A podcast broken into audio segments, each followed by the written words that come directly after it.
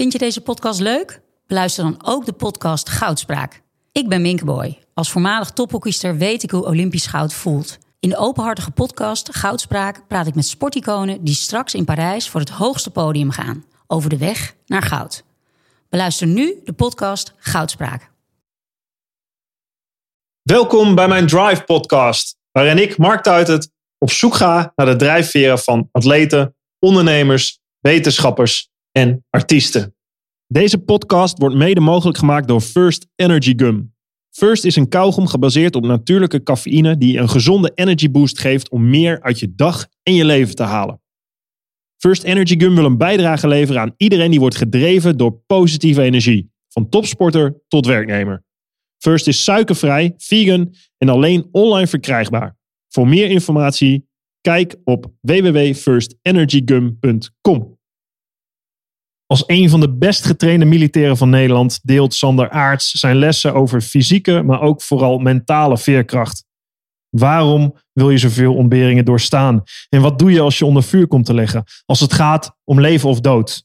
En hoe kun je sterk en kwetsbaar tegelijk zijn? Sander deelt mooie inzichten waar iedereen zijn voordeel mee kan doen. Luister naar en leer van Sander Aarts. Ik zit hier uh, op het kantoor bij, uh, bij Sander Aarts. Uh, militair. ik denk misschien wel een van de best getrainde militairen als ik jouw boek lees. Niet te bereken heet het.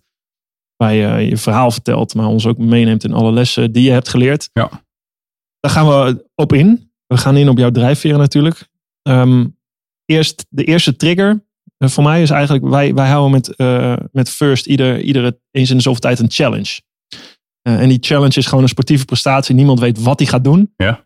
En die hebben de, de, de mariniers, hè, waar, Uiteraard. jou wel bekend, daar, daar stam jij vanaf. Ja. Um, die mariniers hebben twee keer de, de laatste challenge gewonnen. En de laatste keer had Arie Boomsma een team van Vondel Gym. Ja. Met roeiers. De challenge was roeien op een Ja. ergometer. Maar de mariniers wonnen. Die wonnen gewoon van mega fitte roeiers. En ik dacht van, Hoe kan dat nou? Man, man. Ja, ik heb ze tekeer zien gaan. En uh, het, het zit ergens iets in van, Ja. van mentaliteit. Ja. Van beuken en niet ophouden. Waar ik zwaar van onder de indruk was. Ook als topsporter. Ik, ik ken die mentaliteit. Maar ik dacht van, hé, hey, hier kunnen we allemaal volgens mij nog heel veel van leren. Hoe, uh, hoe deze mannen hier uh, tekeer gaan en gewoon niet ophouden. Dat, dat zit ergens niet. Dat is niet fysiek. Hoewel ze fysiek ook impo- imposante uh, gasten zijn. Ja. Dat zit ook ergens tussen de oren. Absoluut, ja. ja Waar zit ja, dat? Ja. Ja, ik denk dat zo. Ik, ik, ik, ken, ik ken een aantal van de jongens natuurlijk. En eh, het zit sowieso bij de, bij de gasten zelf, bij een eh, fysieke gestel en bij een, eh, bij een mindset. En ze hebben natuurlijk al heel veel ervaring in het, in het in het diepgaan. Maar ik denk als je zo'n groepje gasten bij elkaar zit, door, door die onderlinge verbinding van het korps, ja, die, die, die onderlinge spirit, ja, dat zorgt ook voor een passie en voor een vuur. En als dat eenmaal aangewakt is bij zo'n, en dat gebeurt natuurlijk bij zo'n event, en dan, dan geeft het gewoon zo'n boost en zo'n energie. En dan kun je gewoon echt wel een stukje dieper gaan dan, dan een, een groepje losse individuen, laat ik het zo zeggen. Ja, ik moet zeggen, ik vond het indrukwekkend. Um, jij bent er al heel vroeg. Uh, heb jij dat pad gevonden? Ja. Marinier te willen worden. Ja. Um, kun je ons daarin meenemen? Hoe is dat ontstaan? Waarom wilde je dat? Volgens mij was je 17, hè? Ja, ja om mijn 17 ben ik bijgaan, ja. Um, ja, na, na mijn middelbare schooltijden was, was ik best wel een beetje zoekende van ja, wat ga ik nu echt uh, exact doen, zeg maar. Um, nou, lang verhaal kort. Ik, ik wilde gewoon echt het avontuur aangaan en ik wilde gewoon uit huis en ik wil gewoon uh, op pad en bijzondere dingen meemaken. School was niet jouw ding?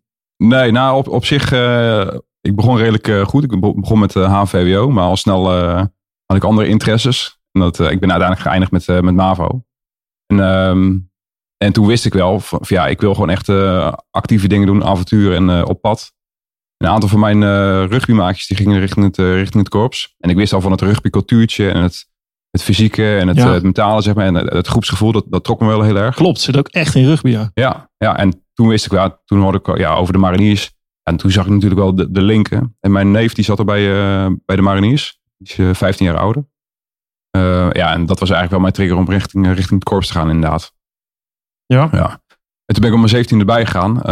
Um, ja, en op zich zeg maar, het contrast met de middelbare school was natuurlijk echt heel groot. Want je hebt wel, ik had wel die rugbytraining gedaan, maar als je dan in, in één keer wordt geconfronteerd met, met kou of met slaaptekort en met uh, instructeurs die tegen je schreeuwen. Ja, een totaal andere dynamiek natuurlijk dan, uh, dan een fysieke sporttraining bijvoorbeeld. Ja. Maar alleen ik merkte wel gewoon dat groepsgevoel en dat die onderlinge verbinding tijdens van opleiding. En als, als ik ook zag hoe snel je als groep bij elkaar komt, juist door, de, door die ontbering. ja, dat vond ik wel echt heel fascinerend. Dat gaf mij ook wel weer spirit en energie. Ja, want in jouw boek schrijf je eigenlijk dat jij, ehm, het, en natuurlijk eh, is het ontbering en ontharding, ehm, dat je eigenlijk mentaal veerkracht haalt uit mensen die opgeven naast je.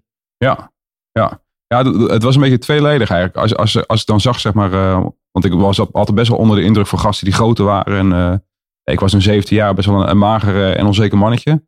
En als ik dan al die andere gasten zag in, eh, in de opleiding bijvoorbeeld, of tijdens de keuring, was ik echt wel onder de indruk. Maar zodra ik dan zag, als het dan een beetje zwaar werd of die jongens kregen minder te eten, ja, dat ze afvielen of ze konden daar niet meer omgaan. Ja, dat gaf mij weer spirit van oké, het, het is niet, niet alleen het fysieke, maar het is juist het mentale, zeg maar. Ja.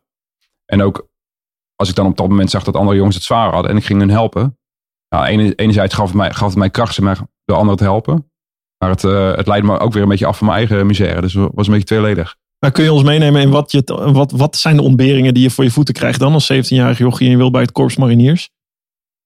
Ehm, nou, eerst zijn het echt natuurlijk de, de fysieke uitdagingen. Dus eh, gewoon eh, de, de standaard, eh, standaard testjes, bijvoorbeeld een Cooper-testje. Of eh, gewoon het hardlopen. Of de pull-ups en de push-ups. En fysiek moet je natuurlijk daaraan wennen. Maar gaandeweg ja, wo- worden dat soort dingen worden gewoon zwaarder. Dus dan ga je bijvoorbeeld, een, dat noemen ze een, een roadwork. Dus dan ga je met kisten ga je hardlopen. En dan krijg je balken mee en gevulde munitiekistjes en, en zandzakken. En dan gaan daar instructeurs eigenlijk net zo lang door totdat, totdat mensen afvallen. Of dat er echt gewoon ja, mensen het, het niet, niet redden. En dat is meer echt gericht op, de, op mentale. Ja. bijvo- bijvoorbeeld het, eh, het speedmarsen. Dus dan ga je hardlopen met kisten en met, eh, met al je uitrusting op. Eh, en dat zijn gewoon dingen die je over het algemeen tijdens een sport niet traint. En dan zie je gewoon echt dat het, dan zie je al heel snel dat het dusdanig zwaar wordt. Dat het van het fysiek naar het mentaal gaat eigenlijk. En dan is het gewoon, dan komt het neer op hoe hou ik dit vol? Dus hoe, waar zit die grens dan? Als je denkt van, ehm, nu komt het echt op het mentale aan. Of ik het vol kan houden of niet. Ehm, nou, bij jezelf merk je natuurlijk wel als je, hoe, hoe, je, hoe je zelf over de situatie denkt. Dus bijvoorbeeld, ik ga dit niet volhouden. Als, als dat, dat patroon of die gedachte steeds vaker terugkomt, ja, dan gaat het echt een mentaal eh, aspect worden. En soms is het wel echt eh, fysiek, want je hebt natuurlijk ook vaak dat je, dat je benen echt gewoon vollopen of dat je misselijk begint te worden door de, door de intensiteit, door de belasting. Ja. ja, dan is het natuurlijk echt eh, fysiek. Maar 9 van de 10 keer voordat je daar bent, voordat je echt zeg maar ja, fysiek instort, ja, 9 van de 10 keer hebben de mensen al eh, mentaal opgegeven. En dat Ja. is puur door, ja, hoe lang, hoe lang gaat het nog duren? Eh, ga ik het überhaupt volhouden? Is het eigenlijk je hoofd die tegen jezelf praat van, eh Ja. ben je godsnaam aan het doen? Ja, absoluut. Ja. Ja, en daarom is het ook zo krachtig natuurlijk om van tevoren al na te denken waarom je iets wilt. En heel vaak zag je gasten die ergens aan begonnen. Hmm. Ja, die gingen gewoon een poging doen of die, die, hadden niet, die wisten niet zeker wat ze wilden. Maar ja, door goed van tevoren na te denken over je endstate. Dus waarom wil ik zo'n opleiding doen of waarom wil ik dat bereiken? Nou, hoe scherp je dat voor jezelf hebt. En dan ga je dat soort vragen, die gaan nog wel een keertje terugkomen als je het echt zwaar hebt. Maar dan heb je in ieder geval al beantwoord. Precies, als je, want als je het heel zwaar hebt en je moet er dan nog over gaan nadenken, dan ben je te laat. Ja, dan, dan, dan ben je zelf kwijt. Ja. En dan zie je vaak ook dat, dat die gasten dan opgeven inderdaad. Nou, herkenbaar. Maar wat was dat voor jou? Wat was jouw why? Ehm, ja, ik, ik denk toch wel dat groepsgevoel. En ook eh, jezelf eh, verbinden aan iets eh, groter dan jijzelf. Ehm, ja, nee, ja, kijk, en achteraf natuurlijk ga je terugkijken naar al die dingen die ik heb gedaan. En was het voor mij ook wel echt een, een soort eh, zoektocht naar erkenning. Ik wou net zeggen, want wat heb je gedaan? Je Corps Marinier, de, de kickforcemanopleiding, sniperopleiding, Ja, ja. eh, special forces. eh, volgens mij heb jij Ja, alle opleidingen die er zijn zo'n beetje gedaan. Waarom is dat? Het is gewoon een opleiding doen en weer verder gaan. En weer commando's, special forces. Ga maar door. Ja, uiteindelijk, ik kwam met de mariniersopleiding. En dan, dan zie je ook gewoon een aantal patronen. Zeg maar. je, je, je, je leert een beetje de trucjes van het doorzetten, van het, eh, van het niet opgeven. Van het, je, je leert eigenlijk ontberen, dat komt op neer. Hoe dan? Vertel, wat zijn de trucjes? Nou, ook sowieso, sowieso die, eh, die, die, die endstate gewoon heel scherp, eh, voor, Ja. scherp krijgen voor jezelf. Het visualiseren, zeg maar. Dus, oké, stel dat ik het straks heel zwaar krijg, hoe ga ik dan reageren? Nou, inmiddels wist ik van mezelf, als ik, als ik het zelf heel zwaar krijg, dan ga ik focus leggen op iemand anders. Dus dan ga ik het extern leggen. Dat gaf mij vaak weer kracht en inspiratie. Maar ook wel gewoon ja, voor jezelf even de, de balans opmaken. Of om even ga- gas terug te nemen. Bijvoorbeeld bij een eh, bepaalde challenge of iets, of iets dergelijks. Ook gewoon het microdoelen stellen is ook een hele bekende natuurlijk. Als je het echt heel zwaar krijgt. Nou weet je wat. Ik, ik zet nog tien stappen. En als je tien stappen hebt gemaakt. Nou dan kun je de volgende tien stappen. En zo. Ja, gewoon iedere keer die, die, die hele grote uitdaging opbreken. Mhm. in Kleine, kleine doelstellingen eigenlijk. Ja, grappig. Dat probeer ik ook wel eens met trainingen te doen. Dus dan doet je lijf zoveel pijn. En dan denk je, oké, Ja. gewoon, ik moet de volgende 100 meter overleven. En daarna nog een keer 100 Ja, meter. En niet ja. te ver, denk je. Je, je, je- eigenlijk breng je je gedachten naar ergens naartoe. Ja. Een heel klein gebiedje. Ja. ehm, waar, je, waar je maar aan het overleven bent. Ja, ja dat, dat, werkt, dat werkt superkrachtig. Maar ook bijvoorbeeld, eh, ik, ik, ik stopte altijd ontzettend veel tijd in mijn voorbereiding voor dat soort uitdagingen. Ehm, dus als ik bijvoorbeeld, bijvoorbeeld voor, voor mezelf had besloten om de, de commandoopleiding in te gaan. Nou, dan ging ik heel goed nadenken, oké, wat betekent dat voor mij? En wat, wat voor, hoe zou dat voelen als ik aan het einde van die opleiding die beret opzette? Ja. Ja, dat zou een fantastisch gevoel geven natuurlijk. En eh, uiteindelijk gaan eh, al die ontberingen, et cetera, et cetera. En als ik dan echt heel zwaar kreeg, dan ging ik als het ware een klein beetje uitzoomen. Oké, waar, waar doe ik het dan maar voor? Oh ja, om over drie maanden die beret op te zetten. Mhm. En wat voor gevoel, gevoel geeft met dat dan? Nou, een superkrachtig en goed gevoel. Ja, eigenlijk is dit, dit is een beetje de. We hebben het nou over macro en micro. Je hebt aan de Ja. ene kant de grote droom. Hè, die Ja. had ik ook Olympisch goud winnen. Ja. Eh, en die moet je in je achterhoofd houden om soms naar terug te grijpen. Maar als je de hele dag aan zo'n einddoel denkt, dan kom je helemaal nergens. Nee, dan word je helemaal gek. Dan word je helemaal gek. Sterker nog, als je dat denkt, dan, als je de pijn voelt van dat moment, micro. En aan het grote moment denkt, oh, dat is zo ver weg. Ja, ja, Dan geef je het eerder op. ja, Dus die gedachte moet je ook weer bij jezelf weghouden dan. absoluut. Ja, ja. En voor mij, kijk, het was niet dat ik dat toen heel bewust deed of zo. Nee. Dat is achteraf ging nadenken van, ja, hoe deed ik dat toen? Ja, dat is, dat is wel gewoon echt het, het inzoomen en het uitzoomen. Op, op het moment dat je het zwaar hebt. Nou, waar doe ik het allemaal voor? Even uitzoomen. Oké, het einddoel. En vervolgens weer inzoomen naar een klein microdoel. En daarmee, daarmee aan de slag gaan eigenlijk. Want je helpt eh, nu onder andere, de- geef je trainingen ook in het bedrijfsleven. Hoe, eh, hoe, hoe pas je dat toe in, in je normale leven? Kan dat? Ehm, ja, Die ontberingen fysiek zijn er niet. Nee, nee. Maar uiteindelijk, toen, toen ik wegging eh, bij Defensie, ja, toen, toen werd ik eigenlijk ook eh, een beetje gecon- geconfronteerd met mijn eigen endstate. Van ja, wa- waar doe ik het nu allemaal voor en wat, wat is nu echt voor mij eh, belangrijk? Ja. Ja, en dan kom je er natuurlijk achter dat al die oude patronen, dat, dat het ergens vandaan komt en dat je dan, dat het soms niet meer voor je werkt. Daar gaan we het zo over hebben. Toen Ja. je stopte bij Defensie. Ja. Dit vind ik wel interessant. Eh, ehm, als, je, als je terugkijkt en aan nadenkt. Waarom, als een gezond normaal mens, denk je. Waarom ga je al die ontberingen door? Om, Ja. om stoerder te lijken. Om stoerder Ja, te zijn. ja. Om te laten zien van ik kan dit. Is het ego? Is het... Heb je, waar zit jouw drijfveer? Waar komt die vandaan? Waarom? Waarom al die opleidingen? Nou, toen was mijn beredenering eigenlijk, ehm, ik wilde gewoon het hoogst haalbare bereiken. En, eh, en binnen het Corps Mariniers had je de, de Special Forces en Ja. specifiek had je de, de kickforce bijvoorbeeld. Dat had je op je zeventiende al? Nee, nee toen, toen ik maar, toen, ik, ik was toen op mijn 17 was ik nog geen eens van dat bestaan. Toen had ik zoiets, ik wil marinier worden. En dat was mijn eerste, dat vond ik al groot genoeg eigenlijk. Ja. Maar toen zat ik eenmaal bij, ma- bij de mariniers. en toen merkte ik al snel van, eh, qua autonomie binnen zo'n team en ehm, qua, qua hiërarchie was dat heel zwaar natuurlijk. En ik werd ook geconfronteerd met een aantal leidinggevenden eh, die anders in het leven stonden, die anders keken tegen leiderschap dan, dan ik deed. En ja, ik, ik had zoiets van, eh, dat, dat, dat, dat werkte niet voor mij op de een of andere manier Want die, ja, extreem ehm, eh, directief. Eh, alleen, maar, eh, alleen maar hard. Nooit echt op de, op de menskant. En ja, ik had daar een ander, ander beeld bij. Omdat ik, zeg, omdat ik zag binnen de geweergroep, binnen het team. Hoe dat werkt en hoe het overkwam bij die gasten. Ik ben zelf best wel zeg het, altruïstisch ingesteld. Ik zeg van ja, sommige gasten die werkt het niet bij door alleen maar harder voor ze te zijn. Die hebben gewoon een andere aanpak nodig. Je zat in een team en er was een directieve leiding. Die zei zo doen. eh, en dat werkte niet. Dat kwam verkeerd over. Die werkte bijvoorbeeld alleen met straffen. Als hij bijvoorbeeld Ja. iemand zijn- regenjas was vergeten. Tijdens een bivak. Dan was die ene gast die zijn regenjas was vergeten. Was het hele bivak was alleen maar aan het, aan het tijgeren. En aan het einde van de bivak had hij van die, van die grote schaafplekken aan de binnenkant van zijn, van zijn ellebogen. Puur als straf. En als je nou denkt dat hij, dat hij het de volgende keer niet vergat. Hij, nou, de druk wordt alleen maar groter op die gast natuurlijk. Dus dat, dat werkte volledig averechts. Hoe had jij dat aangepakt? Nou, wel gewoon zeg maar, het, eh, het gesprek aangaan met zijn gast. En meer coaching en begeleiding. In plaats van alleen maar eh, eh, het straffen op, op iets wat fout gaat. Gewoon het gesprek aangaan. Oké, waarom ben je het niet soft. Ja, kijk, in sommige gevallen moet je echt wel directief en hard zijn. Want dat is gewoon situatieafhankelijk. Maar als het niet nodig is, ja, waarom zou je dat doen? Waarom zou dat altijd zeg maar, jouw default setting zijn? Ja. Nou, achteraf zag ik ook zeg maar, bij degene die het deed, gebeurde het ook gewoon vanuit een bepaalde onzekerheid, vanuit een bepaalde onkunde. Dat was het enige trucje wat hij kende. Dus eigenlijk is het vanuit een leider, leiderschapsperspectief. Is het, dit ken ik, dit heb ik altijd toegepast. En eh, ja, ja. ik ga niet veranderen, want eh, ik ben hier de baas. En, en soms is het ook wel. eh, ja, het is natuurlijk een hele harde wereld. Dus, Mhm. dus ook de, de prestatie die je moet leveren en het werk wat je moet doen is hard natuurlijk. En de consequenties zijn groot als je iets niet, niet goed doet. Ehm, en vanuit die, dat, dat patroon zie je best wel vaak helemaal toen en vroeger, zeg maar. Ja, dat, dat dat zeg maar echt de default setting was. Alleen maar hard, alleen maar. eh, ja, als je iets niet lukt, straffen, et cetera. Nou, grappig, dat is in topsport 10, 20 jaar geleden echt oude stempel topsport was het ook zo. Ja. Gewoon, eh, ja, gewoon de, de zwaarste trainingsprogramma's schrijven.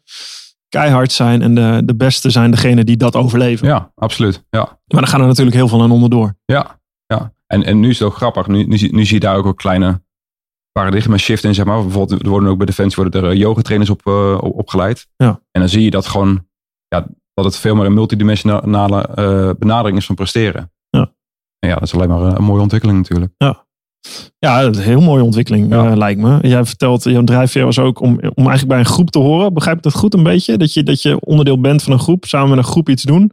Echt meer intermenselijk gericht dan het persoonlijke ego van ik wil, ik wil dit zelf voor mezelf halen. Ja, wel. En ook zeg maar de, het stukje autonomie. Want eh, toen ik er bij de Mariniers kwam, ja, uiteindelijk eh, aan het begin ben je natuurlijk helemaal onder de indruk van wat je allemaal mag doen, et cetera, et cetera. Maar als je dan een paar keer zo'n oefening hebt gedaan, Mhm. ja, dan zie je dat je zeg maar, zo'n klein radertje in het geheel bent, weet je wel. En dat je heel weinig kunt bijdragen als, als, als team of als, als marinier. En toen wist ik wel van, oké, bij de Special Forces, die gasten gaan met een team van vier of zes man gaan ze alleen de pad. En die, doen, die doen operaties als team, die zeg maar op strategisch niveau, of die op, zelfs op politiek niveau invloed hebben. Ja. dat leek me wel super gaaf natuurlijk om daar een, een bijdrage aan, eh, aan te leveren. Maar ook gewoon, zeg maar, ja, het tot, het, tot de allerbeste behoren. Natuurlijk is dat ook gewoon een, een eh, ego-ding natuurlijk. Ja, Ja. die drijf. Waarom, waar zit die? Waar komt die vandaan? Ehm, ja, ik, ik, ik denk wel het, het, het stukje erkenning. Ik, ik geloof dat, dat ieder mens op zoek is naar eh, erkenning. Op de een of andere manier. Bij mij was het misschien iets groter. iets krachtiger. Ja, ja. dat, dat eh, herken ik enigszins. Ja, ja. Ehm, maar als je dan, dan, dan doe je al die opleidingen. ehm je wordt eh, in allerlei ontberingen gesteld. Je wordt eh, getraind. Ehm, wat ik anders vind in, in, in jullie werk is met topsport. sta, sta je onder grote druk. Dan moet je presteren voor het oog van de camera, van media. Dus, dus heel veel druk van meningen van buitenaf. ja. Bij jullie is het natuurlijk gewoon leven dood. Ja. Waar je voor traint. Ik kan me voorstellen als je heel hard traint. Dat is prachtig. Je wil de beste worden. Heel Ja. leuk. Ehm, maar wat blijft er van over in de praktijk als je daadwerkelijk in zo'n life or death situatie zit? ja dan, dan zie je echt wel dat, dat al die training die, die, die, al, die je al die jaren erin hebt gestopt, eh, dat dat zich eh, uitbetaalt. En ik, ik moet zeggen, daar heb ik ook vaker over nagedacht. Hoor, met eh, ook, zeg maar, de, de link naar topsport. En, en het grappige is, ja, ik, ik, heb, ik heb gasten zeg maar, eh, onder de meest bijzondere, eh, bijvoorbeeld met vuurgevechten en dat soort dingen, weet je, echt een hele spannende situaties. Presteerden ze top. En dan gewoon, eh, ja, bijna gewoon uh, stoïcijns. Ja. Alleen als we dan bijvoorbeeld met de eenheid gewoon één keer in het maar, de, de, schieten, eisen gingen schieten. Ja, dan, dan zie je gewoon echt een hele andere druk. Want dan voel je je echt een soort van, uh, van groepsdruk, weet je wel. En dan, ja, dat is van voor meer, mij meer echt richting topsport. Ook het stukje, ja, het falen voor de groep. En uh, ja, dan zag je ook bij gasten gewoon echt zenuwachtig worden. Voor, voor, voor bijvoorbeeld zo'n schietijs. Had ik zelf ook hoor. Ik was bijvoorbeeld voor die schietijs was ik vaak zenuwachtiger.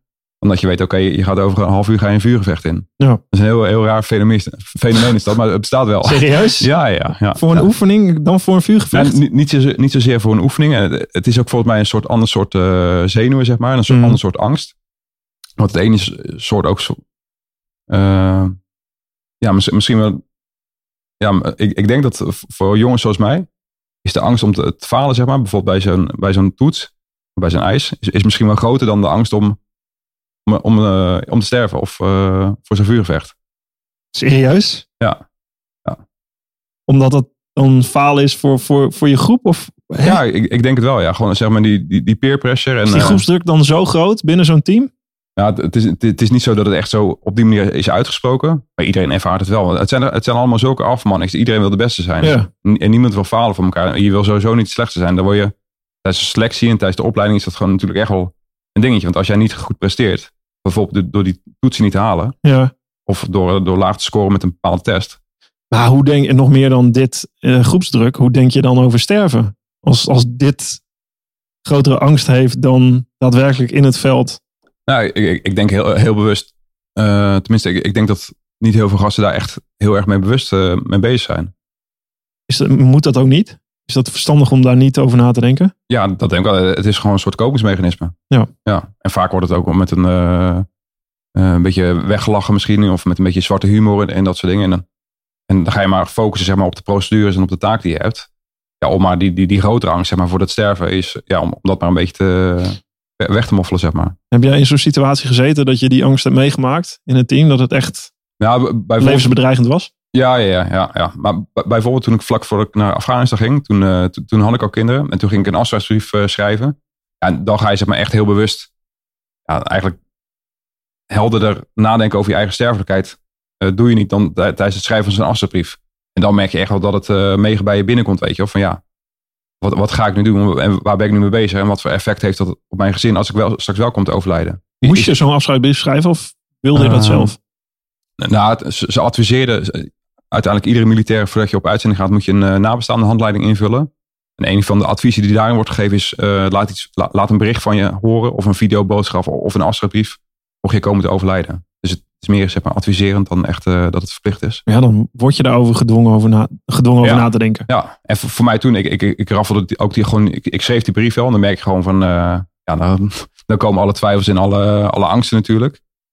En zoals, eh, zoals gebruikelijk met dat soort emoties, ja, stopte ik dat snel weg en ging ik focussen op de taak en op de missie en gingen we door natuurlijk. Maar wat schreef je in die brief? Welke angsten en emoties? Ehm, nou ja, sowieso twijfels. Of, of je zeg maar, of, of de keuzes die je hebt gemaakt en die je maakt, of dat moeite waard is om voor te sterven. Bijvoorbeeld, ik ging toen naar Af- Afghanistan om mijn werk te doen. Ja, is mijn werk het waard om mijn gezin voor achter te laten?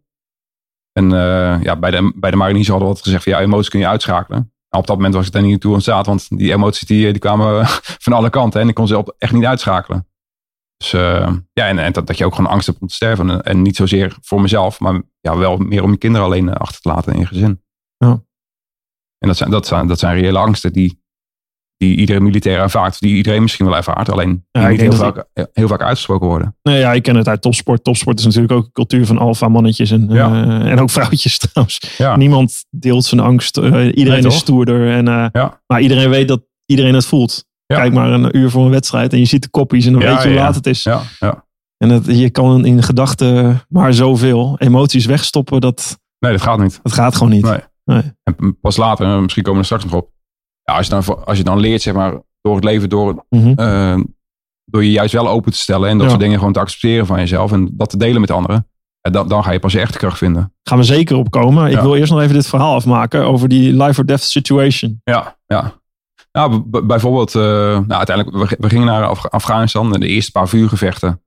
eh, dat, dat, dat werd redelijk opgebouwd, zeg maar. Daar kozen we ook bewust qua operaties voor. Van oké, we weten dat we straks naar dat gebied gaan.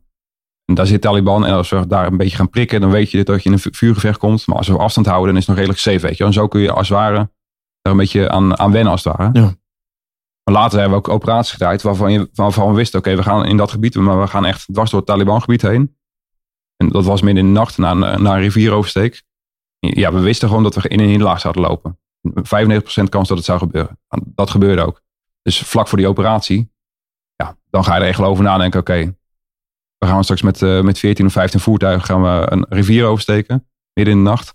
We weten dat de Taliban ons ziet en we weten dat ze gewoon klaar zijn en dat ze ons opvangen. En we weten eigenlijk wel dat we in een hinderlaag gaan, eh, gaan rijden.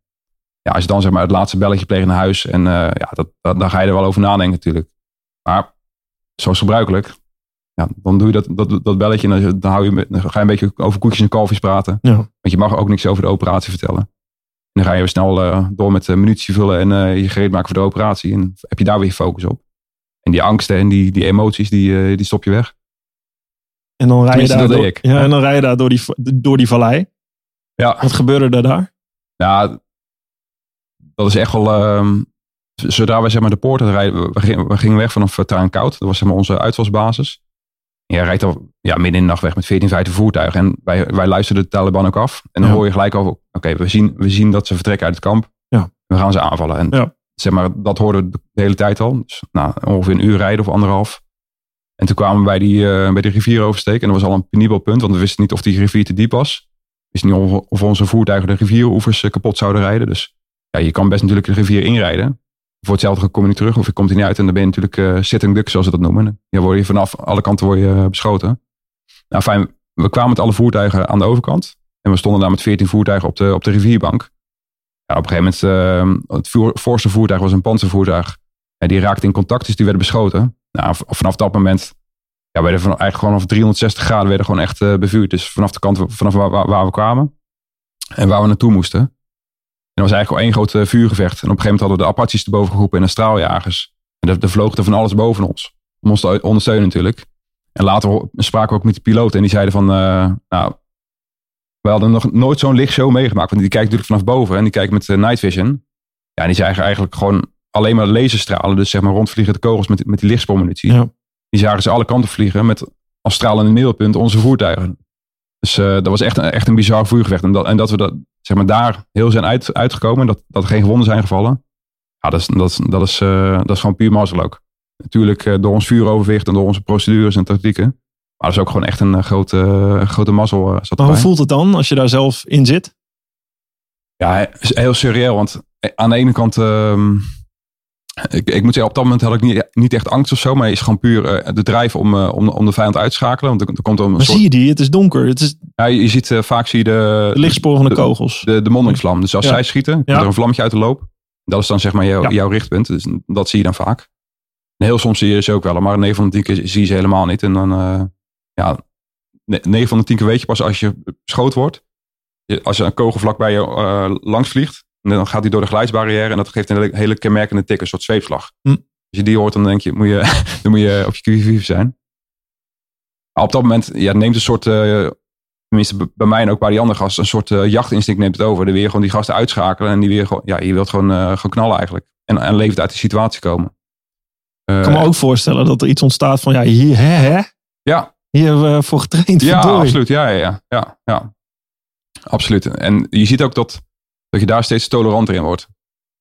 Dat je het wil opzoeken. Ja, en het, het, is ook, het is ook gewoon verslaafd. En die adrenaline. Dus, ja, ik kan me heel goed voorstellen. Je, je, leeft zo op de, op de grens van leven en dood. Ja. ja meer levend dan dat ga je niet voelen eigenlijk. Ja. En dat, dat, is, dat is heel bizar. En dat klinkt misschien heel raar. Maar nee, helemaal niet. Dat, dat, dat is wel zo. Ja. Ik, ik had het als ik aan de start stond. Voor mijn gevoel was dat op Olympische Spelen voor mijn gevoel leven of dood. Terwijl het natuurlijk lang niet zo is. Ja, maar zo, zo voelt het. En, en, zo voelt het wel, ja. Het is heel, je wordt in je diepste zijn word je, ja. je meest dierlijke instinct wordt aangespoord ergens. Je meest krachtige overlevingsdrang. Ja, ja. En het is al grappig.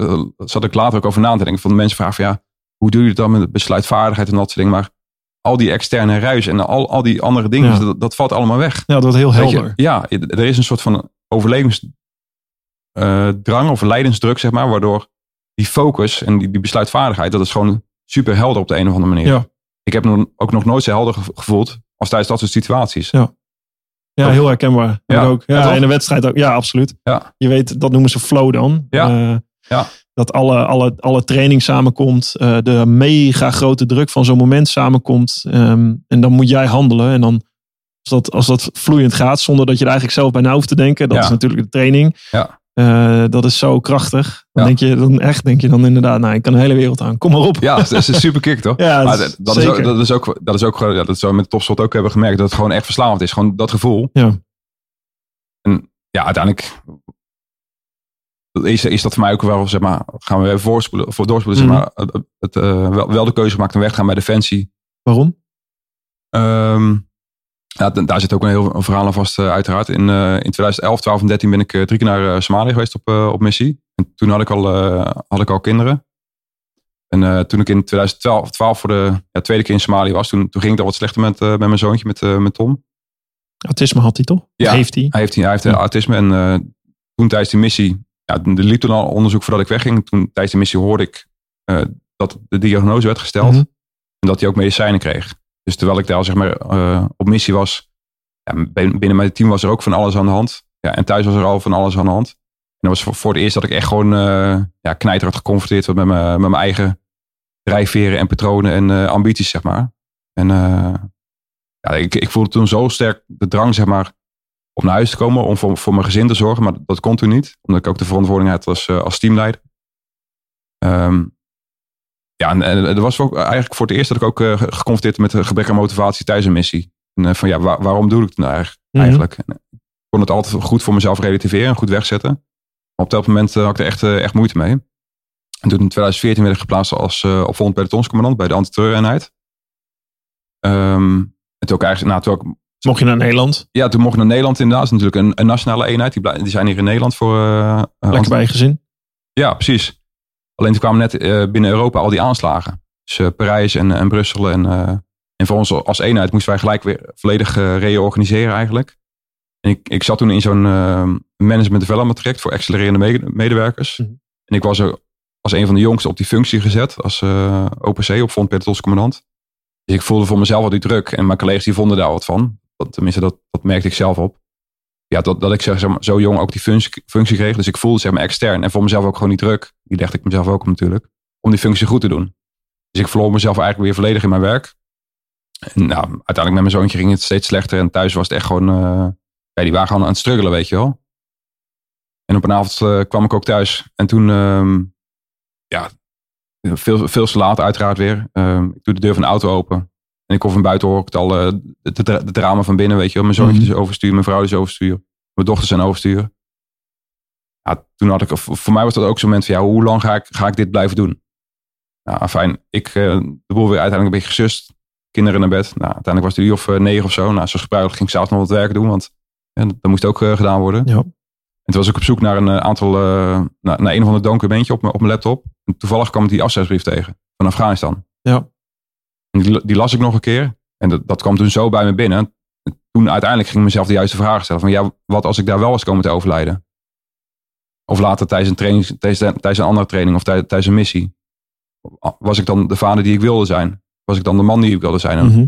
en wat voor vader wil ik eigenlijk zijn? Wat, De wat- diepe, grote levensvragen. ja, ja. En was voor mij wel heel duidelijk. Ja, mijn, mijn kinderen die hebben geen behoefte aan een, aan een harde vader. Aan, een- aan, aan een vader met heel veel prestaties of medailles of een hele stoere vader. Die hebben eigenlijk alleen maar behoefte aan een hele liefdevolle vader. Een hele begripvolle vader. Niets meer en niets minder. Dat was voor mij, oké, hier, eh, hier is werk aan de winkel. Want ik kon mijn zoontjes en autisme kon ik niet wegnemen. Ik wist op dat moment, ik moest met mezelf aan de slag. En ik wist ook, ook door de cultuur binnen in onze eenheid. En ja, niks ten nadelen natuurlijk. Dus een, een hartstikke goede cultuur voor dat werk. Alleen niet voor, mij, voor mijn persoonlijke groei. Om al die oude patronen en oude, oude, al die oude schillen van mezelf zeg maar, eraf te halen. Ik ben stoer, ik ben sterk, ik kan alles aan. Ja. Door, door, door. Ja, nee, ook gewoon mijn, mijn hele eigen perspectief op, op het leven en op opvoeden bijvoorbeeld. Mhm. Ja, dat moest ik gaan herzien. En ik wist van mezelf, als ik in die omgeving blijf, en dan word ik constant getriggerd. Ook zeg maar met die zucht naar adrenaline, met die zucht naar, de, naar die groepscohesie, et cetera, et cetera. Ik moest gewoon echt even tot de, tot de kern gaan van mezelf. Dus in die zin, wat je, wat je hebt gedaan, was het ook een, een soort vlucht? Juist in die adrenaline, in dit... Ja, wel. Ja, ja want aan de ene kant, kijk, achteraf, eh, dat is natuurlijk allemaal achteraf uh, geloof, maar je denkt natuurlijk dat je heel goed bezig bent met alle, allerlei prestaties en uh, Ja. et cetera. Maar het is inderdaad ook gewoon een soort vlucht van, ja, misschien wel die emotionele laag. Want als je thuis komt, word je geconfronteerd met dingen die emotioneel ongemakkelijk zijn. En voor mij was dat een stuk moeilijker dan ja, het stoere, het harde en het fysieke en het mentale. Ja, ja dat, als je dat toelaat, dan word je al snel als zwak gezien natuurlijk. Ja. In die wereld, ik ken Ja. het, topsport ook. Ja. Eh, ik, heb, ja, ik heb het ook moeten leren, die emoties toe te laten. En daar uiteindelijk heel erg door te groeien, denk ik. Ik denk dat dat persoonlijk leiderschap is. Absoluut, ja. Wat heb jij, als je bent commandant, pelotonscommandant, je hebt alles doorgemaakt. Wat, wat heb je dat, van dat stuk geleerd? Wat is dat, dat persoonlijk leiderschap?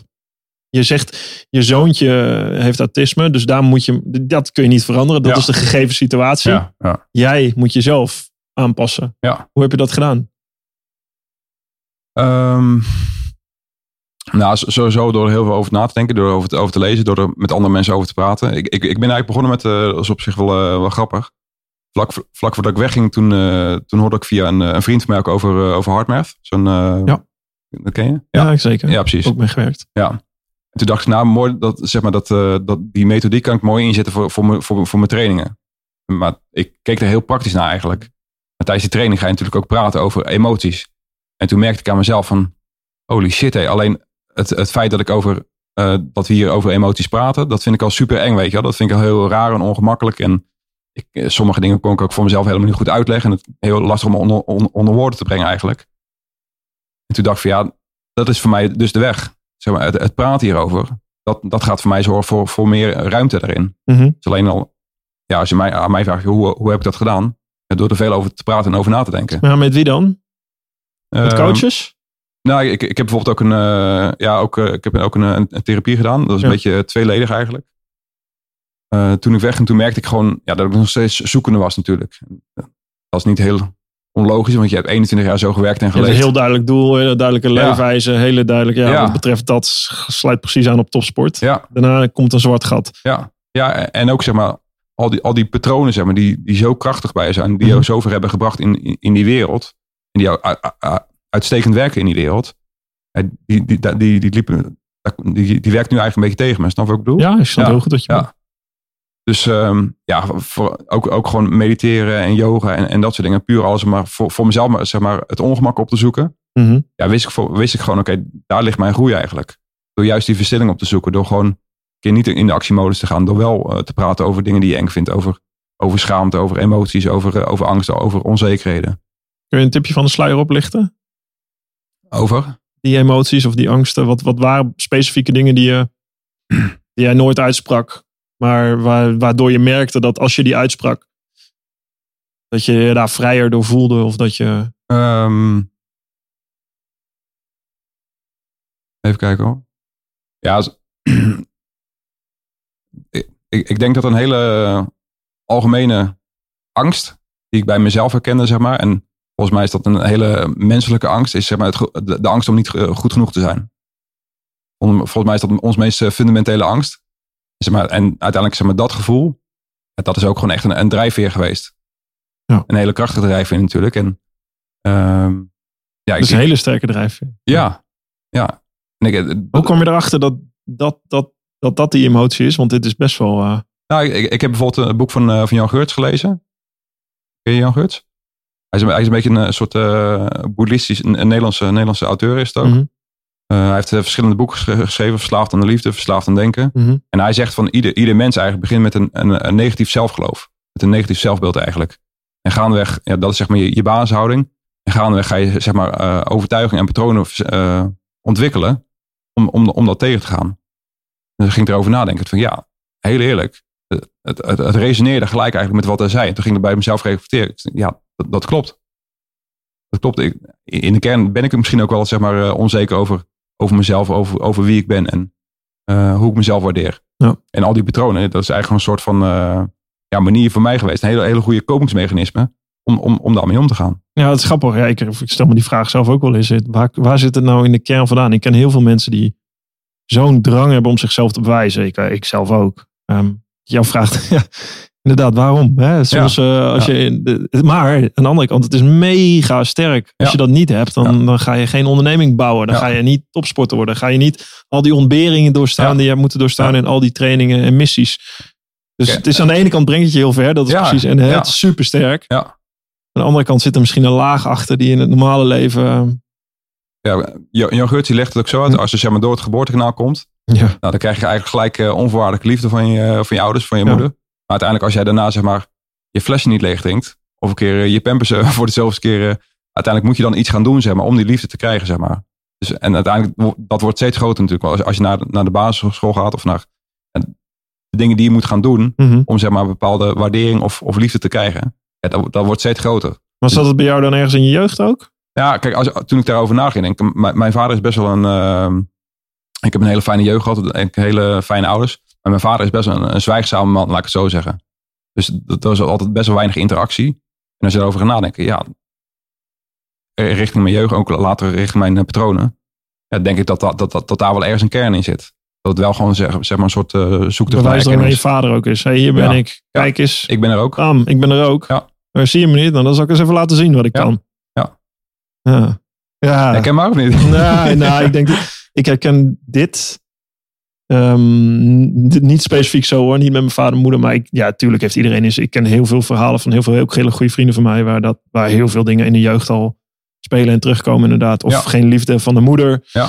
waardoor je overcompenseert, of, of, geen, of hechting, of er zit zoveel in gedrag, wat, Ja, wat zo ingebakken is, deels, maar ook ehm, geconditioneerd door wat je allemaal meemaakt. In je. Dat vind ik zo fascinerend ook. Ik heb zelf kinderen, twee, jij hebt, je hebt drie kinderen, vertel je.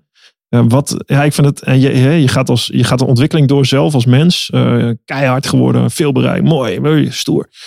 En daarna zie je dat, dat, dat je een ander leven in moet en misschien Ja. ook wel wil. Ja. Hè, de- je kinderen zijn wat dat betreft een hele mooie spiegel voor je eigen absoluut. ziel. Ja. Ehm, en dan ga je daarin. ehm, en dan kom je eigenlijk erachter dat, dat het bij jezelf zit. Dat je gewoon zelf Altijd. nog een weg te gaan hebt in een persoonlijk traject. Nou, dat ben je aangegaan. Ik denk inderdaad, ik herken dat heel erg. Ook door met mensen te praten, door te lezen, door, door je te verdiepen. Ik heb gelukkig geweldig goede vrienden waarmee ik erover kan praten. En dat is bijna een meditatieve sessie. ja. Ehm, maar als je daar doorheen komt, dan, dan kom je gewoon wel weer thuis. En dan is de vraag, wat, hoe voor jou, dat hele zelfontwikkelingsproces, ehm, hoe, hoe is dat nu? Hoe is dat met je zoontje, met, met, je, met, je, met je gezin? Ja, nou, ik, ik, ik moet zeggen, voor mij is het echt een soort, eh, ja, het, het is een proces. Wat, wat ja, zul je zelf ook weten, wat, wat gewoon ja, doorgaat. Ja. Het, is niet, het is geen einde proces of zo. Dus eh, ik nee, ik heb, sorry dat ik je onderbreek hoor, maar ik Ja? heb voor mezelf, ik, ik kan me voor mezelf, heb ik ontdekt dat ik het beter kan uitleggen, ook naar mijn vrouw toe. Bijvoorbeeld, ja, ik ben zo, ik heb mijn makkers. ja, ja, Dat zijn ze, je kent ze inmiddels. ja, ja. Weet je, ik, vertel, ik vertel je niks nieuws. Ja. Maar ehm, ja, dit is zo. Ja. Dit is niet iets wat ik. Ja, ik, ik probeer er ook mee te leven. Of Ja. zo goed. En het brengt me ook heel ver. Ja. Dat zijn ook hele mooie dingen. Ja. Eh, maar ja, het heeft ook. En help me daarbij. Weet je. Ik heb er ook hulp bij nodig. Eh, ik, ik heb mensen om me heen nodig die me daarbij helpen. Die Ja, juist de dingen van mij kennen. En ook de leuke en mooie dingen. Ga erin mee. Maar ook de, Absoluut. de andere dingen. Ja. je- waar je een beetje moet denken van ja, ja, dat, oh ja, dat is Mark. Ja, Ja. Misschien moet je dat even niet doen, vriend. Ofwel. Ja, ja mooi. Dat herkenbaar dus ook. voor Ja, absoluut, absoluut. En eh, ik merk aan mezelf, zeg maar, als je daar dan mee bezig bent. En ja, het, het is gewoon super mooi. Want hoe meer ik mezelf leer kennen, zeg maar, hoe eerlijker daar, ik daarover ben. Richting Ja. mezelf, maar ook richting anderen. De andere mensen gaan zich ook gewoon openstellen. En dan ja, op die manier, nou, als je mij vraagt van jou, eh, hoe werkt het voor jou? Nou, door mezelf open te stellen, gaan andere mensen zich ook openstellen. En je leert gewoon van elkaar. En je leert gewoon allemaal, oké, iedereen heeft gewoon zijn eigen verhaal. Iedereen heeft gewoon zijn eigen shit, weet je wel. Dat, Ja. dat brengt je heel veel, heel veel mooie dingen inderdaad. En soms eh, ja, werkt het niet meer voor je en dan moet je daarmee aan de slag. Ja. En sommige mensen zie je daar wel, wel een beetje in verkrampen natuurlijk. Die, eh, die hebben daar wat meer moeite mee. Of die, die houden zich wat hard, hardnekkiger aan aan eh, bepaalde patronen. En dat, dat is ook prima natuurlijk. Maar ja, ik, het is ik ook veiligheid Ja. verbinden. ja, het, het is super eng natuurlijk om bepaalde dingen los te laten en voor jezelf onder ogen te komen. Maar ja, ju- ja, juist inderdaad gewoon met mensen erover praten en met, met goede vrienden. En ja, het, het is gewoon, ja, alleen het praten erover is, al een soort eh, therapie. Ja. Echt, eh, ja, gewoon heel mooi. Want jij bent, eh, je bent 40. eh, Ja. Dat mag ik volgend jaar worden. Ja. Ehm, als, je, als je dan, het is toch, ja, het is toch een, een, een mijlpaal in je leven ook. Ergens halverwege. Hopelijk iets minder dan halverwege. Maar hoe, hoe kijk je dan afsluitend erop terug? Zeg maar, de, alles wat je mee hebt gemaakt. Is dat, waar ben je nu in je leven? Ehm, emotioneel? Ehm, nou, ik, denk dat ik met sommige dingen echt gewoon nog. eh, heb ik het gevoel dat ik pas net begonnen ben eigenlijk. Ook gewoon als, als mens en met mijn eigen ontwikkeling en met eh, mijn ambities. En met. eh, ja, heb ik echt het gevoel, gevoel alsof ik eh, aan, aan, de, de voorkant sta. En ik, ik, ik kijk gewoon heel dankbaar terug op eh, al die dingen die ik heb eh, mee mogen maken. Hele, ja, en ook gewoon al die situaties die ik heb meegemaakt eh, met mijn werk. En dat zijn echt niet alle- alleen maar mooie dingen geweest. En ook eh, ja, in mijn leven ook, ook al die de, de mindere dingen. Die hebben allemaal bijgedragen, zeg maar, dat ik hier nu op dit moment zit en gewoon goed in mijn vel zit en gewoon eh, sterk in het leven sta. Dus ik, ik ben er heilig van overtuigd dat, ja, dat er ook gewoon kracht en inspiratie te vinden zit in, in, in de shit die je meemaakt. En op dat moment realiseert dat waarschijnlijk niet, maar dat, dat is wel zo natuurlijk. Ja, dat weet ik zelf ook als, Ja, in mijn verhaal wat ik vaak hou, dat heeft als ondertitel zonder strijd geen overwinning. Ja. De strijd, daar ligt de, denk ik de, de kracht en de ontwikkeling. Ja. De, de lessen die je zelf leert en uiteindelijk, wat ik eh, mooi vind aan jouw verhaal, word je teruggeworpen op jezelf. Ja. En moet je het zelf gaan oplossen Ja. en dat onder ogen zien. Dat het, eh, dat het niet een schild is en heel stoer zijn. Ja, Nou ja, daar kun je ver mee komen. Soms moet je je tanden erin zetten en bijten en gewoon gaan. Tuurlijk. Weet je, ik ben ook... eh, ja. ik word, mensen worden ook wel gek voor mij, omdat ik ze drijf en zeg van godverdorie, ik moet sneller, ik moet harder, kom op, kom op, go, go. ja, ja, Maar in the end ehm, ja. Gaat het om de verbinding. En dat ik weet, als ik 20, 21 jaar was en ik had naar dit gesprek geluisterd, had ik Nee, gezegd, nee, nee. stel het je fucking softies. ja, ja, ja, ja. Flikker op, ga gewoon keihard trainen. Ga keihard je best doen. Alleen dat is denk ik wat je het hebt over persoonlijke ontwikkeling. Hè? En naar je 30ste, 40ste toe, je krijgt kinderen, denk je, ja, er is, Hij- ik, ik, ik, het is niet alles. Het is Nee. belangrijk, maar Ik, ik geloof ook echt dat je, dat je maar gewoon een bepaald pad moet doorlopen. Weet je, je moet Ja. die strijd ook gaan aangaan met.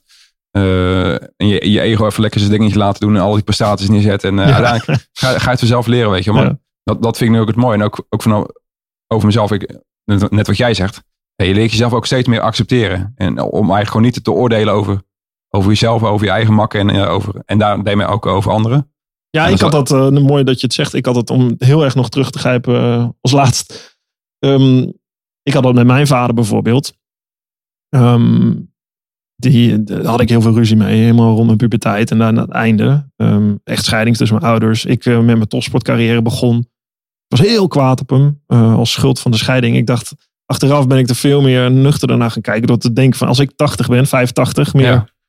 ehm, met, met, dat, met dat perspectief kijken. Ja. Van hè, the end in mind. Zoals je zegt, het einde en dan terugkijkend. Ja.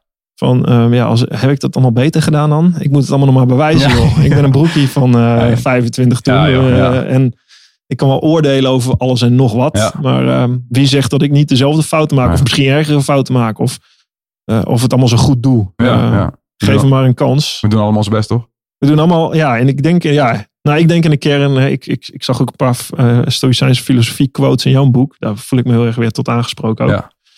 Ik denk dat we in de kern eh, de intuïtie, je, je, je, je intuïtie volgen, je gut feeling volgen, Ja. daar helemaal, en dat durven, wat heel eng is. En Absoluut, ik denk dat je juist als je die persoonlijke kant toelaat, eh, dat stukje en die wilskracht, dat beide kanten, dat die je intuïtie heel erg sterken. Absoluut, ja. Dus dat die beide eh, heel goed zijn. Als je die beide kan eh, leren in je leven, Ja, ja.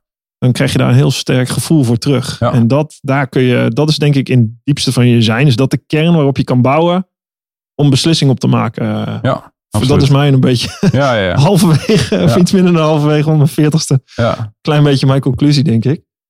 Dus eh, Mooi. ja, ja, mooi. Dank eh, voor, voor, eh, voor het delen van, eh, van je verhaal ook. Mooie, mooie lessen zitten erin verborgen en heel herkenbaar moet ik zeggen. Ja.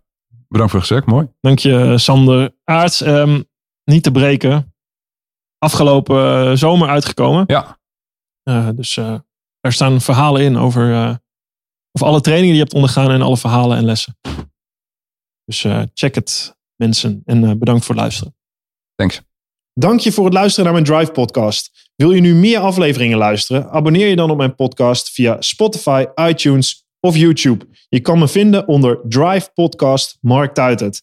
Of bekijk alle informatie en alle podcasts op www.firstenergygum.com. Ga je naar het tapje media en het tapje podcasts. Daar vind je alle informatie. Laat me ook weten wat je van deze podcast vindt en welke gasten jij graag zou willen horen. Dan ga ik daar werk van maken. En dat kan je doen via mijn eigen social media kanalen. Mark Tuitert. Je kan me vinden op Instagram, Twitter en LinkedIn. Ga gedreven verder zou ik zeggen. En tot de volgende Drive podcast.